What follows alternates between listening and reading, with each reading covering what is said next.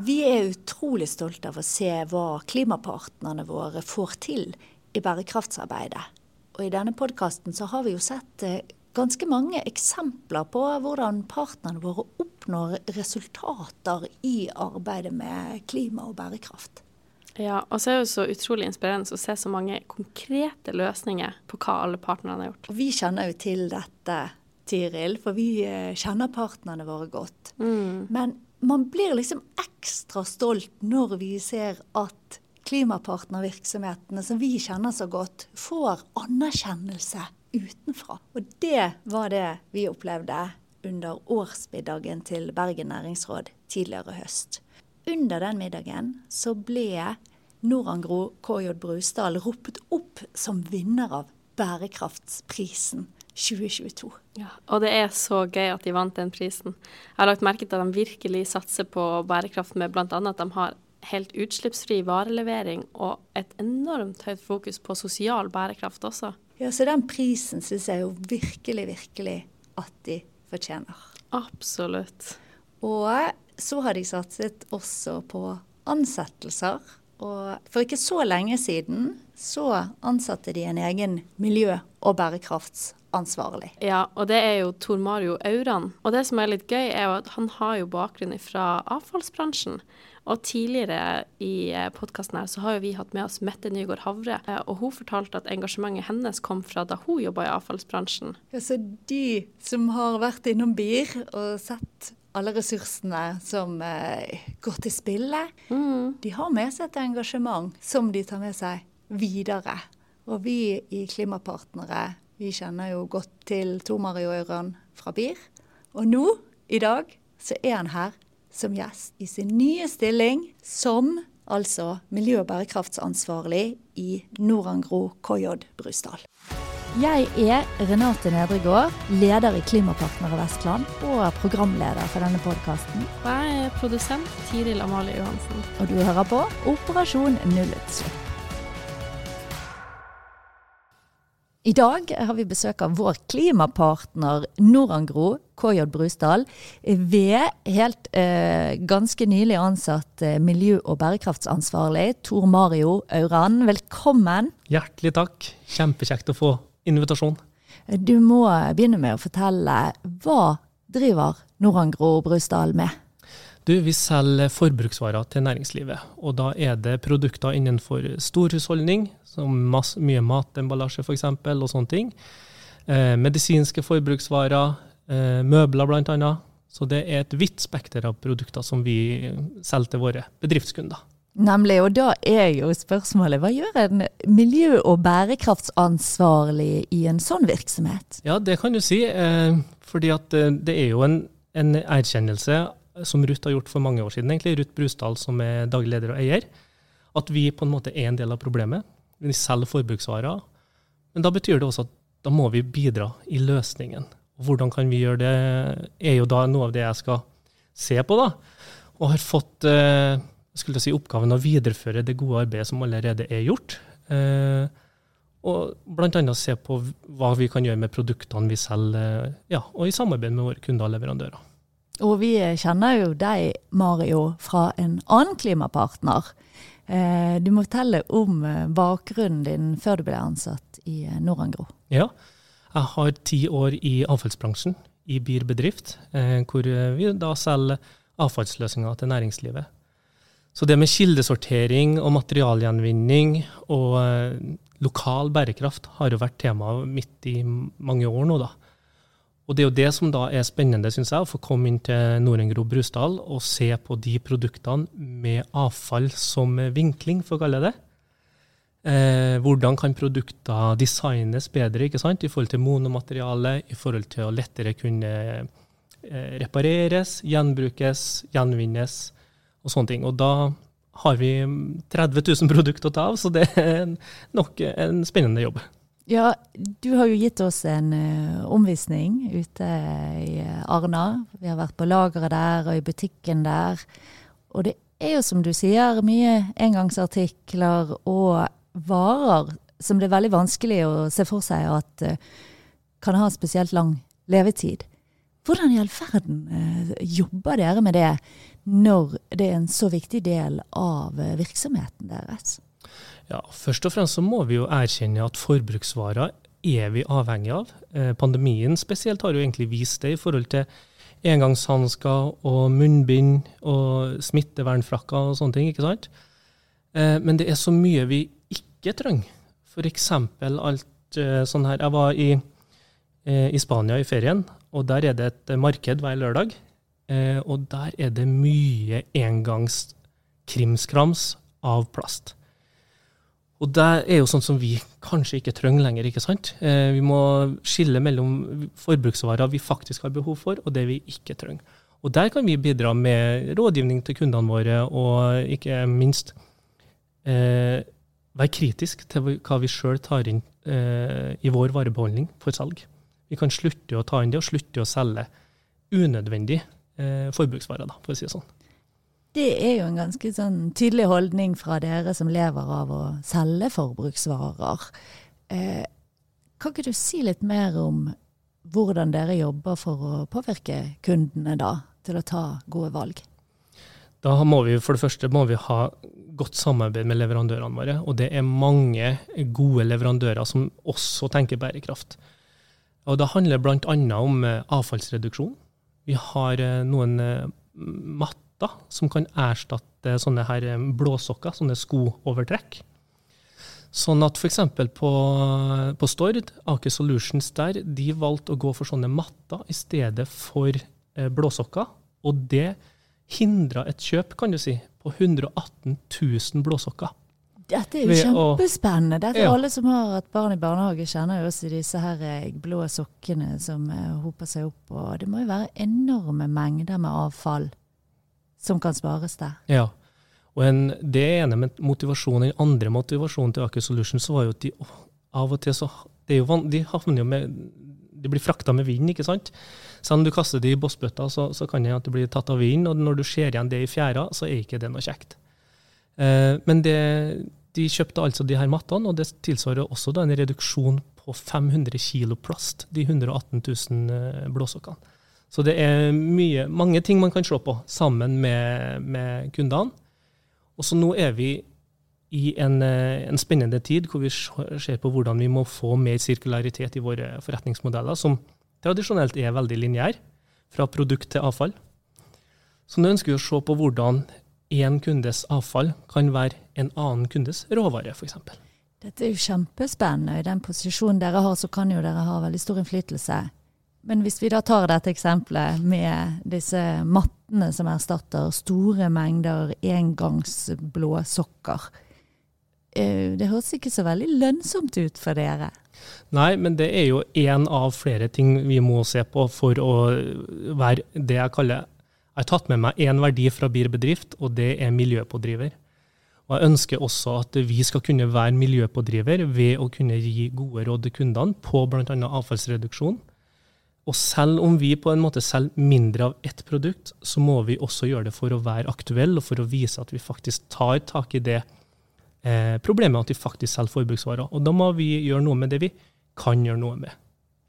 Du, eh, du snakket om å være miljøpådriver, og det er jo akkurat sånn vi kjenner Norangro Brusdal, som har vært med i Klimapartnere lenge en uh, veldig engasjert pådriver i klimaarbeidet. Jeg lurer på, hva er det i uh, selskapet, altså hvilke mål er det dere styrer etter for å få det til? Vi har flere mål som er nedfelt i strategien. Blant annet så skal vi ha fossilfri transport, eller utslippsfri unnskyld, transport innen 2025. Eh, vi skal redusere klimafotavtrykket vårt med minst 10% hvert år. Uh, og så skal vi øke antall miljømerka produkter, altså solgte miljømerka produkter, da, med, med 10 hvert år. Så vi har en del konkrete ting som vi kan eh, måle og, og følge med på da, å, ja, som en del av våre miljømål. Det er veldig spennende. Noran Gror Koyod Brusdal, dere holder jo til i Arna, en familiebedrift. Men dere er del av en større kjede. Eh, hvordan jobber dere med eh, bærekraftsmål med resten av kjeden? Ja, både i, i Stavanger nå, eh, der heter det Norengro Kjosavik. De har ansatt en egen miljø- og bærekraftsansvarlig. Og på kjedekontoret så er det en bærekraftsdirektør og mange som jobber med emnet. Og eh, nå har vi da starta et eh, spennende, kall det en refresh av klimastrategien vår. Og da har vi leid inn PwC med Inky Brown og Jon Wikstrøm da, til å hjelpe oss med den jobben. Så det, det ser vi veldig fram til, eh, hvor de skal også da se på klimaregnskapet, selvfølgelig, og da det spennende arbeidet, litt skumle arbeidet, med Scope 3. Ja, Så nå starter vi den, det, det, arbeidet der. Scope 3 er jo et uh, stikkord som vi både frykter og elsker her. Og for dere som da selger store kvanta av forbruksvarer, hvordan i all verden kan dere lykkes med å jobbe inn mot uh, Skop 3, altså de indirekte utslippene som deres virksomhet er ansvarlig for? Ja, altså vi har ca. 30 000 produkter.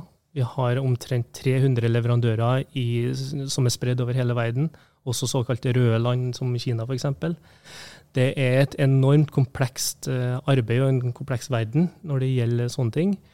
Eh, og så handler det om Nå må vi få god hjelp, da. Eh, vi, det her klarer vi ikke på egen hånd, for å si det sånn. Eh, så PwC skal hjelpe oss med det, som sagt. Eh, og vi vil jo veldig gjerne begynne å pirke i det vi, og, og, kartlegge hva vi faktisk kan gjøre noe med. Både som Norengro i Norge som en stor innkjøper, eh, og hvor kjedekontoret har kontakt med de internasjonale leverandørene. Men også hvordan vi i Norengro Brusdal kan gjøre det eh, i, i Bergen og i Arna. Hva er det vi kan ta tak i som kan påvirke eh, videre? og kartlegge, ikke minst. Eh, eh, det, vi, det, vi, kan finne ut av, og begynne å pirke i den eh, materien der. Mm. Har dere funnet noen muligheter når du sier dere begynner å pirke i det? Ja, vi, Nå har vi jo som sagt gjort en del eget, i egen drift i forhold til elektriske kjøretøy og sånne ting. Men vi begynner jo å se på hva, hvor, hvordan kan vi påvirke og hvordan kan vi samarbeide med de leverandørene som kjører ting til oss. da. For de bruker jo ofte eksterne transportører, de også. Og hvordan kan vi ha en dialog rundt det, f.eks.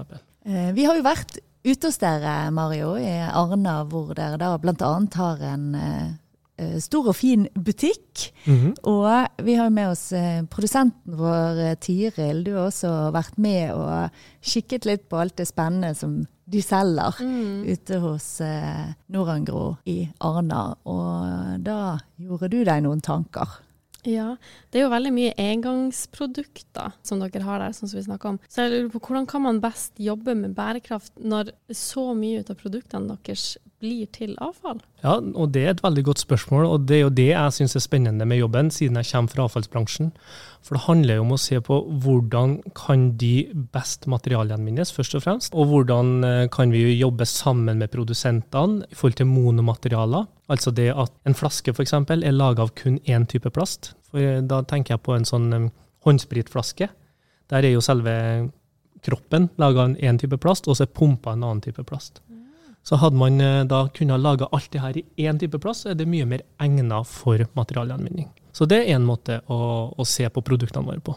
Ja, ikke verst. Er det noe som dere har begynt med allerede? Ja, det har vi egentlig. Og, men igjen, eh, vi produserer jo ingenting. Så vi må melde skulle si, ideene våre og, og, lufte de og drøfte de sammen med, med, leverandører og produsenter da, som vi har. Og de er jo også klar over det her, det, men det er veldig kjekt da å, å utfordre de på, på sånne ting. På hvilket område når det gjelder disse forbruksartiklene ser dere at dere kan ha størst innflytelse? Det er egentlig der hvor vi, som jeg var litt inne på i sted, hvor en type avfall kan være en annen kundes råvare. Og da snakker vi om at vi må få komme inn på kundene våre på en helt annen måte. Altså Nå leverer vi si, produktene på en palle eller en boks ikke sant? i resepsjon eller på et lager, og så, og så kjører sjåførene våre. Men hvis vi får lov å komme inn og se på produksjon, og det var det jeg gjorde mye i bilbedrift. da, Fikk lov å komme inn og se hvor avfall oppstår. Så klarer jeg også å se det som en råvare.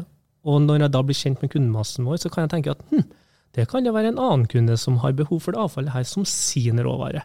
Så det er en veldig spennende del av, eh, av jobben. da. Og der har jeg en liten oppfordring til de som måtte høre på, og som kanskje har noe avfall i sin produksjon. Da er det veldig kjekt om de tar kontakt, sånn at vi kanskje kan finne ut av noe eh, gjenbruk av det eh, råstoffet, eller det avfallet deres. Ja, for Det du snakker om her, er jo egentlig å identifisere hvor kan dere ha innflytelse, selv om det egentlig ikke er deres ansvar.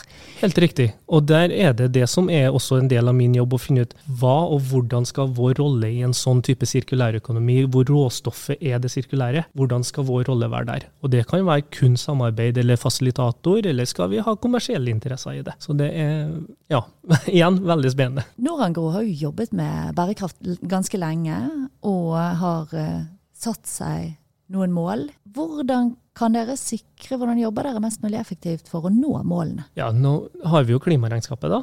Og i samarbeid med klimapartner Vest, Vestland, og ikke minst da det her eh, samarbeidet vi nå skal gjøre sammen med PwC, så må vi klare å kvantifisere, som Inki snakker om, identifisere og kvantifisere sånn at vi klarer å måle. Og det som blir mest interessant nå, egentlig, det er å finne de faktorene som, som, vi finner mest vesentlig. Hvor er det vi kan gjøre noe som faktisk vil ha en eh, betydning? Og så begynne å måle på det. Så det arbeidet ser vi veldig fram til. Eh, vi vet ett område hvor eh, Norangro har ganske vesentlige utslipp. Vi har sett på klimaregnskapet deres sammen, og det mhm. er jo ikke ofte vi kan se en så positiv trend når det gjelder de direkte utslippene i Scope 1. Det har dere jobbet systematisk med. Kan ikke du fortelle hva er det som gjør at eh, dere lykkes i å ta eh, ned eh, utslippene i Skop 1 fra år til år de siste årene? Ja, Da er det jo spesielt da, det at vi har investert i elektriske kjøretøy. Bare de siste årene så har vi kjøpt fire elektriske lastebiler. Ja, For når vi snakker om kjøretøy for dere, så er ikke det vanlige elbiler? Nei, det er jo lastebiler som skal kunne ta med seg varer da, rundt omkring i, i, vårt distrikt, som er Bergen og Stord og overalt. Så det er en, en investering som koster mye. Eh, men som også da bidrar til det som eh, på en måte kalles grønn vekst. Da. At vi øker vår omsetning samtidig som vi, som vi reduserer våre utslipp. Så det er ja, eh, noe av det mest strategiske vi gjør nå, sånn sett, da, i egen drift. På ganske kort tid så har dere klart å skaffe dere flere helelektriske store lastebiler og varebiler, og kan dermed eh, tilby rett og slett eh, utslippsfri transport i bergensområdet. Er dette noe dere ser at kundene er opptatt av? Ja, og da spesielt egentlig det offentlige. Eh, og det er jo noe vi ønsker også, for de må være pådriver her i det grønne skiftet. Eh, og da, for at vi skal vinne anbud, så må vi ha elektriske kjøretøy eller fossilfrie kjøretøy eller ja, nullutslippskjøretøy. Men man får jo da poeng for uh, nullutslippskjøretøy f.eks., og da kan vinne anbud. Og det er en del av det, det grønne skiftet, et, et, verktøy for å få til det, tenker jeg. Mm, og på dette området så går det jo veldig fort. Eh, vi ser at eh, dere har klart å ta den investeringen. Samtidig så vet vi at det er ganske mye dyrere. Mm. Eh, hva er det som gjør at dere har vurdert at uh, det er en investering som er verd å ta? Så Rent kommersielt så er det for å rett og slett uh, kunne vinne de anbudene som vi ønsker å, å, delta på. Men så er det jo også noe med at vi ønsker å bidra til lavere utslipp i nærmiljøet vårt. Uh, og ikke bare utslipp, men også støy er jo en, en miljøgreie, spesielt i Bergen sentrum. Så det er flere positive ting med elektriske kjøretøy. Og så er det jo en utfordring da, med at det ikke er nok, eller, eh, god nok tilgang på ladestasjoner. Spesielt når man begynner å bevege seg utenfor Bergen sentrum og sånne ting. Så det er jo noe vi håper kan komme på plass eh, snarlig. ja, for foreløpig så må dere lade hjemme hos dere selv? Ja. Det er der, og så er det en ladestasjon oppe i Blomsterdalen, tror jeg. Men ja, det er de to, da, for å si det sånn, så vi trenger jo litt mer tilgang på det. Det hadde hjulpet mye. Og eh, når det gjelder elektrisk tungtransport, så er det veldig mye som skjer. Og eh, vi vet jo det at Norangro og KJ Brusdal med disse nye investeringene, at dere er en viktig pådriver for det arbeidet. Så det følger vi veldig spent med på. Mm. Eh, og da er det jo også gøy å se at det gir resultater i klimaregnskapet. Ja. Eh, vi har vært inne på det kanskje det store spørsmålet når det gjelder eh, deres drift, som er at dere selger forbruksvarer. Du Tor Mario Auran, du er miljøbærekraftsansvarlig. Og den bakgrunnen din fra avfallsbransjen, eh, med det blikket på hva dere driver med i Norangro, Kan ikke du si litt mer om hvilke sirkulære løsninger eh, du kan se for deg at eh, vil eh, komme opp i denne bransjen fremover? Det er det som er det spennende nå, da. Og da handler det mye om eh, hvordan vi kan få våre produkter til å enten bli bedre materialgjenvinning eller gjenbruk. Men så ser vi også på, på nye tjenesteområder spesielt. Og da er det jo f.eks. gjenbruk av møbler. Og da må vi jo rigge oss for reparasjon. Vi må eh, kunne utføre Ja, kanskje vi må trekke om møbler for å så kunne selge de om igjen. Ja, For dere selger møbler sånn som det er i dag? Mm, og da er jo mesteparten er jo selvfølgelig nye møbler. Men vi har også, det er jo et stort marked for, for brukte møbler. Så der eh, er det noe vi ser på nå som et, som et eget prosjekt, kan du si. Og I tillegg så har vi da en serviceteknisk avdeling, som, eh, for vi selger jo også da rengjøringsmaskiner. Og de må jo kunne repareres og, og sånne ting. Og da får du et nytt fokus, for da begynner du å tenke levetid ikke sant, i stedet. Og ordentlige produkter. Og så ønsker vi å påvirke for Kanskje produsentene må også tenke at det skal være enklere å reparere ting. Eh, og da også standardisering, som er også et stort tema selvfølgelig i det her med avfallsreduksjon. Hvordan kan standardisering være med på å løse disse problemene? Da er det hvis f.eks. Eh, reservedeler kan brukes eh, på flere produkter, ikke sant? spesielt innenfor kanskje en serie eller noe sånt da, fra samme produsent. Eh, at man kan også ønsker vi jo da å kunne ta inn brukte maskiner og gjenbruke brukbare deler på, på nyere maskiner, f.eks. Sånn at produktene får lengre levetid, rett og slett. da. Mye av det du snakker om, er jo løsninger som kanskje ligger hos andre. Og likevel så ser vi at dere har et stort engasjement for å eh, kunne både påvirke kundene og eh, ta inn de riktige produktene. Hvordan ser du på muligheten for dere som virksomhet i å, å påvirke bransjen i riktig retning? Ja, Da må vi jo igjen da få komme litt eh, inn på de, ikke sant? Og, og avdekke hvilke behov eller hvilke produkter de, de produserer og sånne ting.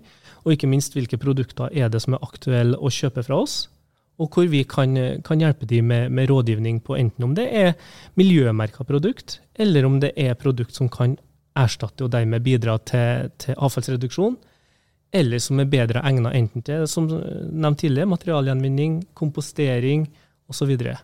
Vi er jo eh, forbrukere alle sammen, og kanskje ikke vi er like bevisste forbrukere.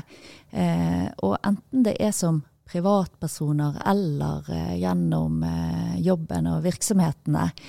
Eh, har dere som sitter og selger disse forbruksvarene, har du noen tips til oss om hvordan vi kan bli mer bevisste forbrukere? Det handler mye om akkurat det du sier der, bevisstgjøring, og at vi må kanskje tørre å spørre litt både i forhold til hvor produktet er laga, og nå er det jo det her med menneskerettigheter har jo fått en jeg skulle si, ny giv med åpenhetsloven og de tingene der. Tørre å ta noen valg, tørre å betale litt mer for eh, et bærekraftig produkt, da, for å si det litt generelt. Er produktet, altså Siden vi snakker om engangsprodukter, er det, er det komposterbart f.eks.? Eh, heller velge det i stedet for, eh, for et plastprodukt. Så det er rett og slett det å begynne å stille litt krav når du står der i butikken. Og da er dere i Norangro klare til å svare på de kravene? Eh, ja, Kommer du i vår butikk i Arna, så for det første så har vi merka de produktene som er, er miljømerka, si sånn. Og så har vi noen flinke ansatte i butikken som virkelig kan hjelpe deg også. Så det er bare å komme, så, så skal vi finne en alternativ, i hvert fall. Her har vi alle en oppgave i å være bevisste. Eh, Mario, med ditt engasjement fra avfallsbransjen og nå i Norangro, hva er det som driver deg? Ja, egentlig så er det jo på en måte tilfeldig at denne interessen for bærekraft har kommet, men den har jo kommet gjennom det å jobbe med avfall i ti år. Og avfallsbransjen er veldig praktisk. Der ser du hva som skjer hvis du ikke kildesorterer riktig. Dårlig kildesortering fører til at du ikke kan materialgjenvinne eh, avfallet. Eh, og da, Det kan bero på mange ting. Det kan være eh, dårlige merka kildesorteringsløsninger, det kan være dårlig informasjon osv.